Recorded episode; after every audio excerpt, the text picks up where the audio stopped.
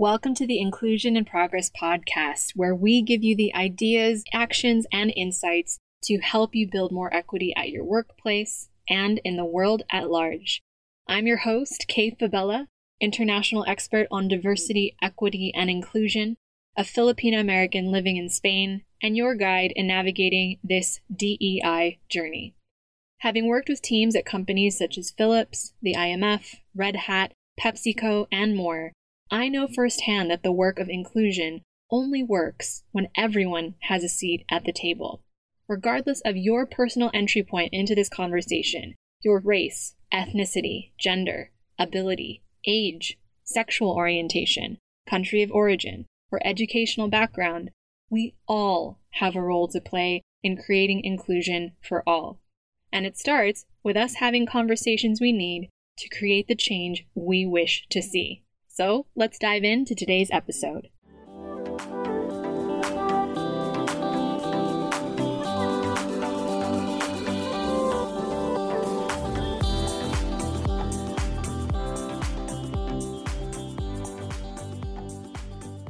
Hello again, and welcome back to Inclusion in Progress. So, if you've been following us on LinkedIn, you would have seen a recent post that I shared about some of our remote practices and rituals here on Team IIP. And if you are missing out on the good stuff and you haven't already connected with us on LinkedIn, please go ahead and look up Inclusion in Progress, reach out and say hi, or of course, reach out to me at Kfabella. And if you'd prefer to reach us by email, we'll leave links in the show notes of this episode for you to get in touch with us because, as always, we're eager to connect with listeners like you. But back to the episode. So it's mid February now, which means we're midway through the first quarter of 2022. And boy, have we hit the ground running. Between calls with client partners, with each other, of course, we had to talk sometimes, and our day to day tasks, we're still managing to stay somehow up to date with our work across different time zones and locations. Between calls with client partners, each other, and our day to day tasks, we still somehow are managing to stay up to date with our work across all of our different time zones and locations, all while doing our best to prioritize our mental health while planning virtual birthday parties and doing our best to laugh together or show up for one another when one of us is feeling down. So, what's the secret? How do we stay efficient and effective at Team IIP? Well, it boils down to two things. First, transparency. While each of us is, of course, expected to own our work projects, we regularly sync through Asana and Twist and, of course, all of the other tech platforms. But we've tried to be digital minimalists in that sense, so we're really trying to focus on a few. We also have a shared calendar where we document our time on, our time off, when we need focus time, and when we have availability for live co working if we are looking to try and break up the day to day and work with one another.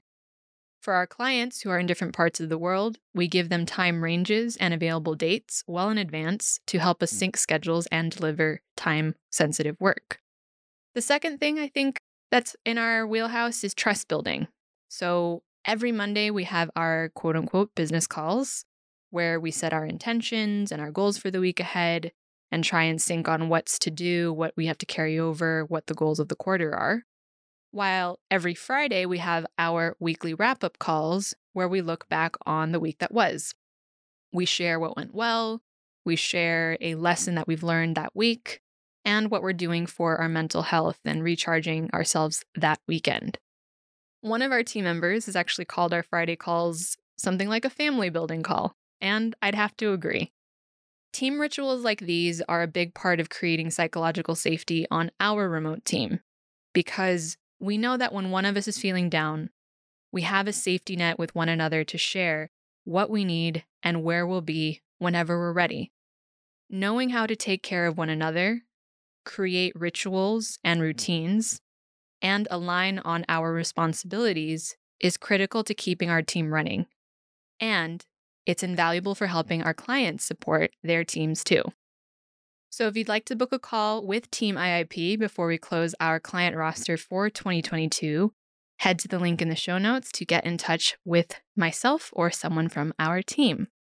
Now, we've already developed long standing partnerships with the likes of Red Hat, Headspace, and Instagram, and we'd love to see if we're a fit for your needs this year. We can discuss with you on our call how our IIP framework can help you to increase talent retention by prioritizing inclusion, wellness, and support for remote workers across your organization. So you can reach out to us at the link in the show notes, or if you're not looking at those, email us at info at inclusioninprogress.com to book a call and learn how we could partner with you this year. So, we're continuing with our theme this season discussing workplace wellness on the podcast. And today's topic is one our team is often discussing both for ourselves and, of course, for our client partners. Yeah, we're talking all about boundaries. Because, as we shared in episode 83, the lines between work, life, professional, and personal are becoming pretty hard to distinguish. and it's because everything seems like it's urgent. Everything feels like it's competing for our attention, whether it's caring for our children, our partners, our pets or parents, answering that email from our team member or that Slack from our boss, or following group chat notifications just to stay connected to our loved ones. Almost all of our work interactions and many of our non work interactions these days are through our screens. As I've shared in previous episodes, I've been a remote worker for almost a decade and a remote business owner for almost as long. So I have had practice at minimizing my screen time, making sure I get some of that Madrid sunshine outside at least once a day, and letting people know when I'm available as far in advance as possible. In short, I've learned to set and reset boundaries to protect my own mental health to then be able to pour into the people who depend on me. And I've been fortunate to find team members and client partners over the years who've respected that. I'm far from perfect at it, don't get me wrong. I love me a good Netflix binge or a Wikipedia rabbit hole as much as the next person. And if you haven't been on one of those in a while, look up, I don't know, Star Wars, Lord of the Rings. It'll send you off for an hour. but boundaries have been helpful in my attempt to create balance in my professional and personal life, which being a remote business owner and entrepreneur overlap very often. So while I'm grateful that I've already had some of these systems in place, nothing could have prepared me for the last two and a half years. Could anybody have been prepared for this? I don't think so. I've also had enough conversations with colleagues and client partners to know that boundary setting is something that we all struggle with. So, what exactly are boundaries and why are they important? As Brene Brown says, a boundary is simply what's okay and what's not okay. According to her, setting clear boundaries is a form of self care because it ensures that you're saying yes and no to the appropriate things. This is also helpful because it sets in place clear results or clear paths forward when that boundary isn't respected. Specifically, in her decades of research into shame, vulnerability, and resilience, Brene Brown and her team have found that the most effective, compassionate people were the ones who set the clearest boundaries for themselves and with others. Now, there are many benefits from setting strong boundaries. Take it from me. but boundary setting requires a high level of self awareness because it helps you understand your needs, your limits. It helps you develop healthy self esteem and, in the process, respect for yourself and for others. Boundaries also help you become unequivocally aware when your boundaries have been overstepped and give you the confidence to act and assert yourself when you feel your limits have been ignored. They're also helpful in identifying when you need help from others as well as identifying how you can show up for others when they need you to support them. Ultimately, clear boundaries help you build a happy, rewarding life that matches your values. So, how does boundary setting apply to the workplace? Well, according to a 2016 research paper by Ellen Ernst Kossek of Purdue University, effectively managing work life boundaries can reduce role conflict and enhance the well being of employees, of teams, and organizations. Her research paper goes further to say that it reduces stress, it prevents burnout, and enhances mental and physical health. Kossek found that one of the main culprits of blurred work life boundaries is our constant use of technology laptops, tablets, smartphones, and of course, social media. She went further to say that these changes have not only made work more portable, diffusing into more hours of the day, but also made it easier to work during personal time and space, such as while commuting, when in third places, including restaurants, and during vacations. Now, against the backdrop of the pandemic workplaces we're facing today, Kossek's findings from 2016 are even more important to highlight because remote or hybrid work can work well when it's done intentionally. At its best, it gives employees the flexibility to contribute to their organizations from a place of well being and strength. Everyone is given the freedom to manage their own time. But often in the absence of clear guidelines and boundaries, yes, there's that word again, it's all too easy for us to fill up that free time with what we know, which is work, which, as we also know, is a one way ticket to burnout and a quality of life for each of us that's out of alignment with our values and our ability to contribute as our best selves in every aspect of our lives. So, with this in mind, for today's episode, we're going to look at five ways to create work life balance in a virtual workplace. First, we're going to look at the importance of defining and communicating working hours. Now, everyone has had a vastly different experience while working from home or transitioning into hybrid work, as the case may be, over the last two and a half years. We already know that employees have had very different experiences of working remotely, depending on things like how long they've been at the company, whether or not they met their colleagues before the pandemic and had those relationships beforehand, and what each person's role is.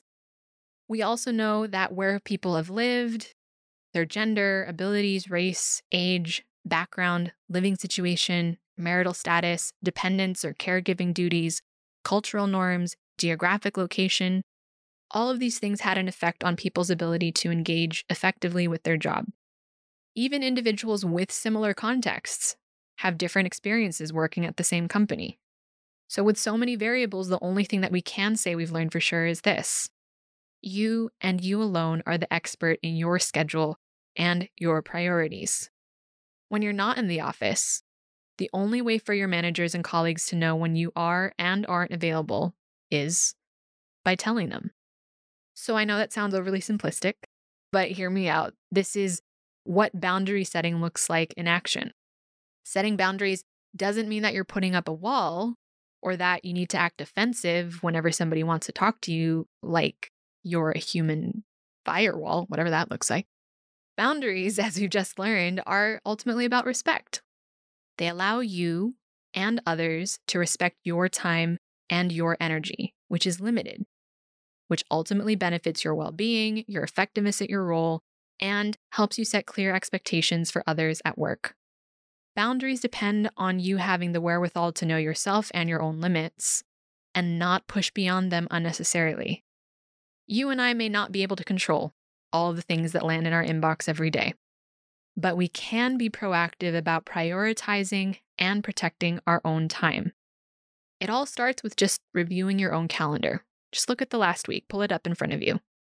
And the same way that you have all of that time blocked off every week for those meetings and those project deadlines, now go back through and do the same for your non screen time.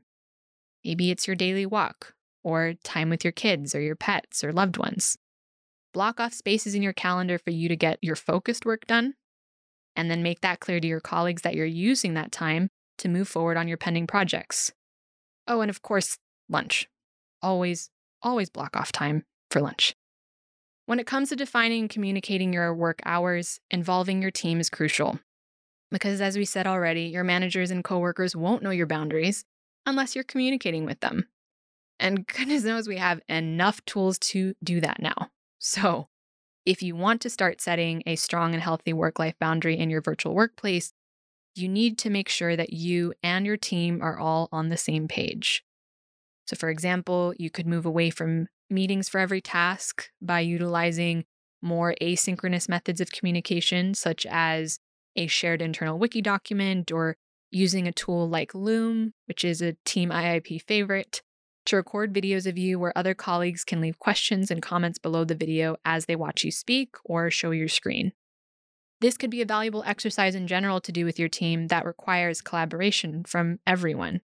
But it's crucial, especially if you're trying to set strong and healthy work life boundaries for yourself and encourage that in one another. In fact, an exercise like the one that I've just outlined for you is one of the first things that we do with client partners who are looking to manage their remote teams more inclusively and effectively. We start by reviewing everyone's day to day schedules, establishing a team policy that understands each individual's different work styles, strategies, situations, and personalities, and finalizing a shared team agreement document that supports flexible work and psychological safety. Because we're not only establishing work life boundaries, we're also creating a culture of trust for this team.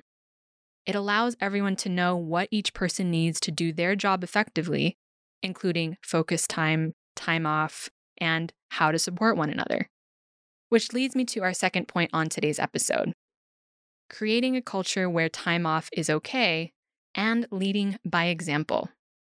Now, I've mentioned psychological safety a couple times now, and it's not just about how to support people when they're in crisis or on the edge of burnout. It's fundamental to creating a culture of trust in our everyday. Let's put it this way Imagine you are a primary caregiver for a neurodivergent child who's the only parent on your team. Or imagine you're going through menopause when everyone else on your team is 10 years younger than you.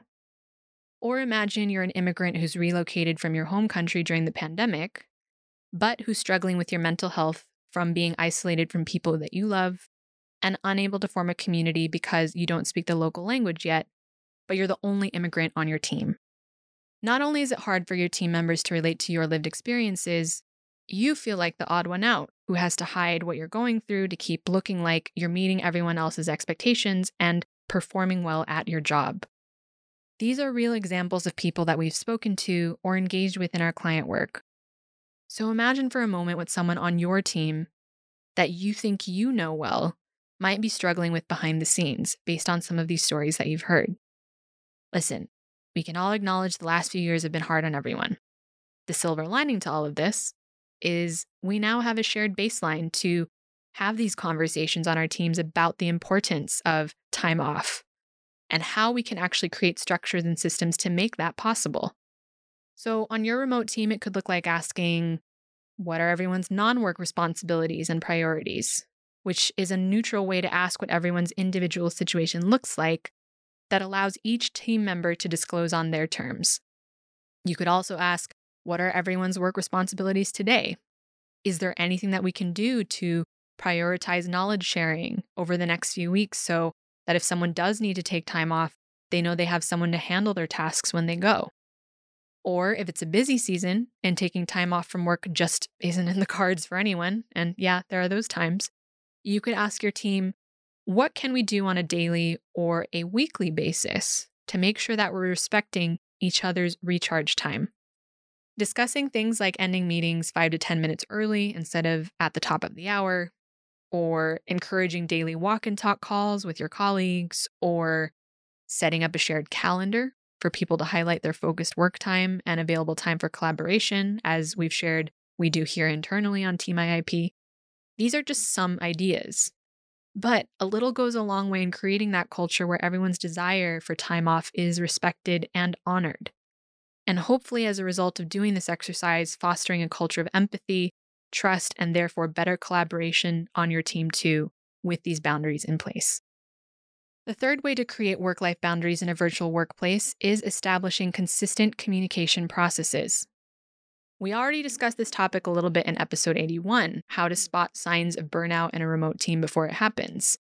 And in episode 83 Are we all suffering from ADHD in a remote world? So if you haven't checked those out already, please do so as soon as you finish listening to this episode.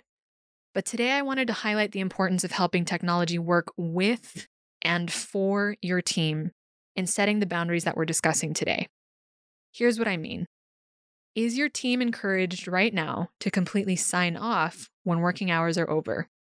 Are you encouraging one another to fully disconnect when you need to, instead of always feeling like you're all on call 24 7?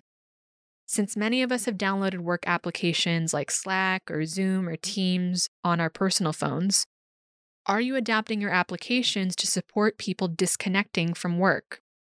With the help of things like away messages or silencing notifications or marking your daily do not disturb hours, it's a very powerful, transparent way for managers and fellow team members to know that you're unavailable or engaged in focused work without having to give explanations to everyone for the time that you don't seem to be quote unquote online or quote unquote connected. I'm doing that air quotes thing again and forgetting you can't see me or I'm recording this. Uh. what can I say? I talk with my hands. So, for me, for example, as an Android user, yes, I'm an Android user, come at me. I use Bixby routines on my phone so that during my work hours, my phone blocks applications that would distract me until my lunchtime, where I check my non work apps for news from loved ones and just checking in on any non work priorities that I might have missed.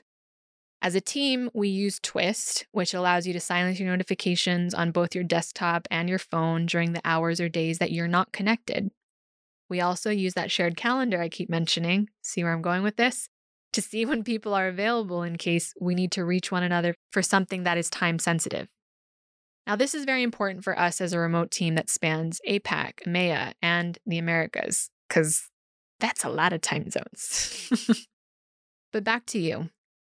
If you're like many people we're speaking to these days, technology has made it possible to work remotely, to work more flexibly, and of course, with more time and location freedom than ever before. That's powerful. But we also know that there's a potential for a lot of anxiety too. For example, when we are taking much needed time away from work, it's all too easy for our coworkers or our manager to try and phone us when they need us for something because we think, well, it's the easiest channel to reach them, and this is work, so it's important. They're just on holiday. How many of us have had this happen to us? How many of us have been guilty of doing this ourselves? Or consider how, because of technology, we're moving our different communication styles, our languages, and our cultural paradigms to an online environment that normally tends to follow the majority dynamic. In the absence of say a face to face or a live phone call, text and tone are impossible to detect accurately. And for those whom the majority group language is not their mother tongue, email and chat is even more stressful. I can tell you for me, as a non native Spanish speaker, I am really missing being able to read people's lips because that is such a huge help for me as somebody who didn't grow up speaking the language. But I digress. On top of your day to day tasks, those who are working in a remote environment are not always sure how we're expected to act or interact or behave while working with people from different backgrounds or with different cultural lenses, especially if we've never actually met before, which could then undermine our ability to do our jobs effectively. So, having a clear understanding of what, say, a project management task tool like Trello is for, or a brainstorm channel like Slack or Teams is for, or a live free for all dialogue through GChat could be for, would be helpful to alleviate some of the anxiety, especially for those who have either neurodiverse needs or maybe different linguistic or cultural paradigms. Having clarity that would allow every team member to know what each channel of communication was for and how it supported their role and responsibility, how to set up their technology to set their own boundaries for each channel of communication, and know that they and their fellow team members will respect each channel's purpose would make a huge difference in supporting team productivity and setting healthy boundaries in a virtual workplace. Now, boundary setting is key to workplace wellness and supporting each individual's mental health while working remotely. And it's one of the many topics that we teach and discuss through our signature Pause to Progress workshop, an interactive virtual experience designed to empower teams to learn the importance of boundary setting in a remote environment, to find and sustain their own self care practices, to support their wellness and resilience at work, and foster an open discussion about what's necessary for teams to look out for each other before burnout hits. Now, every workshop experience we've had is different because it really depends on the diverse participants and experiences that are present. But in past editions, we've discussed things like how to support Black employees and actionable allyship ideas at work, how to foster intergroup solidarity between different employee resource groups, how to help Asian colleagues through rising violence during the pandemic, to non virtual ways that teams can support colleagues who are caregivers. Sometimes all you need to do is create a container for that zoom out moment with your team. A reset, if you will, to help check in with one another and reset those boundaries and expectations. And it's one of the ways that the team and I at Inclusion in Progress are here to help you. So if you'd like to learn more about how to book a Pause to Progress workshop to help you foster inclusion for your remote team members, head to the link in the show notes to get in touch with our team or email us at info at inclusioninprogress.com.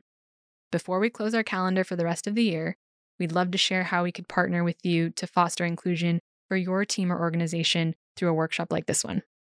Now, the fourth way to create work life boundaries in a virtual workplace is looking at how to record standard operating procedures or SOPs and delegating work on our teams to make remote work more effective. As we've learned so far today, boundaries help create trust. And trust is built in micro moments over time through consistency. But all of us are human, which means that we're bound to forget commitments or misplace things that might be important to someone, to be disappointed or frustrated or tired ourselves, to disappoint others unintentionally, or simply change our minds about something, which is bound to rub up against someone else's expectations on our team. So, where we as humans may fall short, even with our best intentions, this is where having systems to hold us accountable will help us stay consistent collectively. And a big part of this accountability is operationalizing processes and procedures that guide our teams forward. Now, one thing that we've regularly encouraged clients to do is to decide and stick to one master project management tool, such as Asana or Trello or Basecamp or whatever their organization uses. One click, and you know what everyone's doing at a given moment without having to chase people down, which helps managers and team members redistribute labor if need be, depending on what's ahead for the week. This also helps people who may be returning from their time off, or maybe they're at home struggling to stay focused because of a non work situation out of their control. This helps them easily zoom out to view where the team is and what their responsibilities for that day ahead are. Now, the good thing about project management platforms like these is that you can set up automatic weekly reports, and your team can read through these reports once a week or every couple of weeks to check in on progress and prepare everyone for the weeks to come, which saves everyone the stress of constantly having to check in with one another to ask, what's the status of this? And if you're a manager listening to this episode, you can tie those weekly outcomes to your quarterly OKRs or performance metrics for the year to help you during the annual review process. So, having tools like these can help move conversations from a, hey, where is mm, this thing? I can't find it, to, okay, I saw this on our tool and just wanted to confirm that, blah, blah, blah, blah. Am I understanding that right? Which also lessens the likelihood that your team will be bothering you in your off or after work hours. And when one of you needs to step away from work for an emergency or for just some much needed downtime, having those SOPs and tasks in one place helps spread the load among team members who cover for you when you need it. Which leads me to our fifth way to create work life boundaries fostering a collaborative environment where everyone is accountable for the team's tasks. Now, based on our conversations and facilitations for global teams over the last few years, I know this is easier said than done. And because every individual situation is different, every team that we've helped is also very different. So we're going to approach this from a slightly different angle. How do we move this idea of productivity, what we do as the individual, to the collective we? Yes, ultimately, each individual is going to be responsible for their tasks.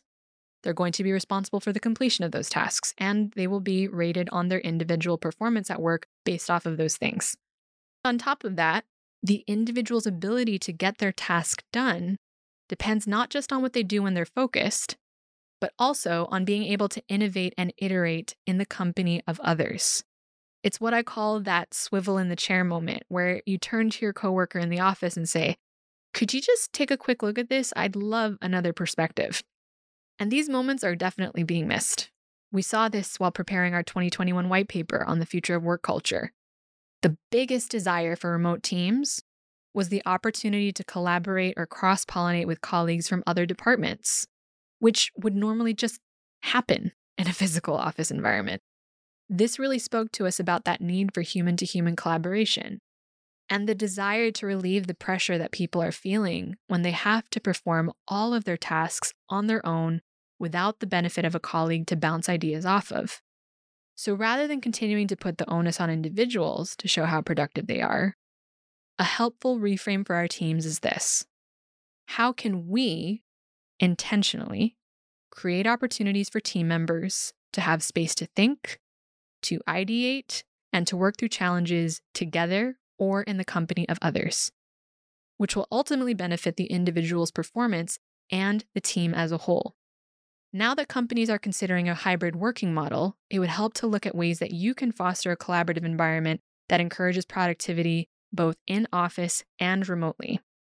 Now, towards the end of 2021, hundreds of researchers from Microsoft, from LinkedIn, and GitHub came together to form the largest research initiative in Microsoft's history, which is now called the New Future of Work, which we'll be sure to link to in the show notes of the episode.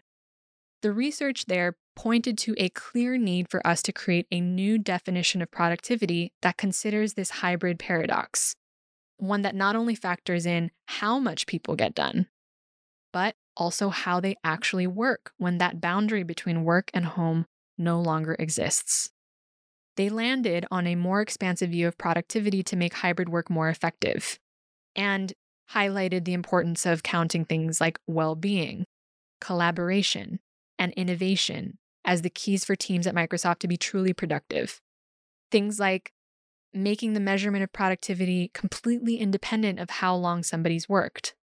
Every employee, according to them, should be measured not based on how many hours or screen time or days worked, but based on the quality of their output, something we've talked about on the podcast before. Or allowing employees to assess themselves on their productivity, as each individual knows their work and non work situations more intimately than they're often willing or able to share with their team members. Or measuring productivity through tasks accomplished and the effective communication on the statuses of these tasks. Because no matter how many ways we consult or guide remote teams on how to use technology or set up team agreements with one another, there's nothing quite like the ability to bounce ideas off each other without the added pressure of a deadline or a long to do list or a million notifications on your screen, which we know from experience can happen effectively both in person and remotely. Not only does this kind of collaborative time foster a sense of camaraderie, it also distributes the accountability and the task load when more people are engaged in that project at hand. And if you need to tap out for whatever reason, you can trust that there are more than enough people to pick up the baton, carry on the conversation, and keep your team going until you return. So, there you have it. Those are five ways that you can set clear work life boundaries in a virtual work environment and ideas that you can take to your teams to help support your collective well being. Though today's episode is inspired by the employees that we've had the honor of engaging with over the last few years, the conversation today is especially important for leaders and middle managers, who, as we know, are navigating multiple team member states of mental, emotional, and psychological health in the workplace at one time. As we learned over the last few years, no man, no woman, or anyone in between is an island. Our individual well being affects how we do our jobs, but our well being is reinforced and strengthened by those around us. Giving employees more flexibility in both where and when they work, we know improves the employee experience for everyone. But for it to really truly rely on creating collective well being, it will also require constant iteration, innovation, and implementation as we navigate these waters of change. Thankfully, we can say from our vantage point that Team IIP is seeing more people managers and employees alike willing and open to ask for what they need, sharing what they'd like to see more of in our future of work. And it's this kind of dialogue that will help support our teams to want to stay, to unlock their potential without sacrificing their humanity or hours in the process. Now, with teams spanning more locations and lived experiences, identities, and cultures than before, it's easy to feel overwhelmed. And at Inclusion in Progress, one of our specialties as a fully remote team spanning countries and cultures, is how we've learned to embrace nuance and humility in pursuit of consensus across differences and new ways to respond to challenges in front of us. So we don't model how to avoid conflict. We won't give you a guidebook for what to say and what not to say. Rather, we focus on empowering you as an individual to address setting healthy boundaries together with your team, leading to company cultures that foster inclusion and sustained growth. If you'd like to learn more about how we could work together, including through things like our signature Positive Progress workshop, head to the link in the show notes to get in touch with our team today. As you know, we've developed long-standing partnerships with the likes of Red Hat, Headspace, and Instagram, and we'd love to discuss how our framework can help your team or organization. So you can head to the link in the show notes or email us at info at inclusioninprogress.com to book a call and discuss how we could partner with you. As always, if you like the episode, please share it with other leaders and changemakers who'd benefit from a more inclusive world. Thank you so much for listening, and we'll see you next time on Inclusion in Progress.